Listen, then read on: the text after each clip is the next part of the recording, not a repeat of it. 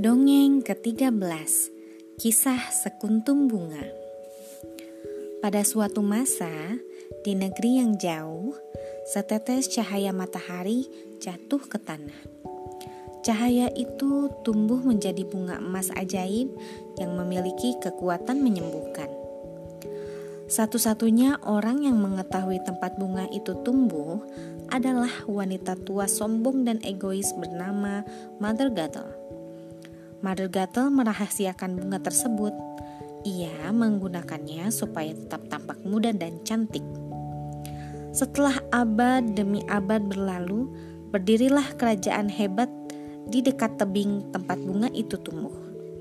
Mother Gatel yang awet muda mengamati dari bayang-bayang, menjaga bunganya yang berharga dari orang-orang kerajaan. Pada suatu hari, ratu kesayangan kerajaan itu sakit berat. Semua orang di kerajaan ingin membantu. Mereka mendengar banyak kisah tentang bunga ajaib yang bisa menyembuhkan. Warga kerajaan pun mencari ke sana kemari, sampai akhirnya mereka menemukan bunga emas ajaib tersebut.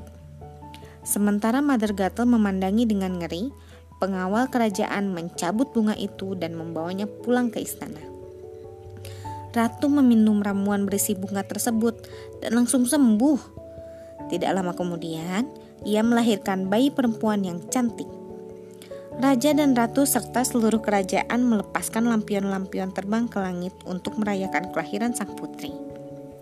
Pada suatu malam, Mother Gatel yang sekarang kelihatan tua dan penuh dendam menyusup ke kamar bayi. Saat membelai rambut si bayi dan bernyanyi lembut, Mother Gatel jadi muda lagi. Keajaiban bunga ternyata hidup dalam rambut si bayi. Mother Gatel buru-buru memotong sejumput rambut bayi itu. Tapi rambut si bayi seketika kehilangan kekuatannya dan berubah menjadi coklat. Satu-satunya cara supaya Mother Gatel bisa tetap muda adalah dengan mempertahankan bayi itu bersamanya selalu. Ia pun menyambar si bayi dan menghilang di telan malam. Semua orang di kerajaan sibuk mencari, namun tak ada yang dapat menemukan putri. Raja dan ratu sedih sekali, tetapi mereka tetap berharap suatu hari nanti putri mereka akan kembali. Setiap tahun, pada hari ulang tahun putri, mereka melepaskan lampion-lampion ke langit malam. Mereka berharap cahaya lampion-lampion itu akan menuntun putri mereka pulang.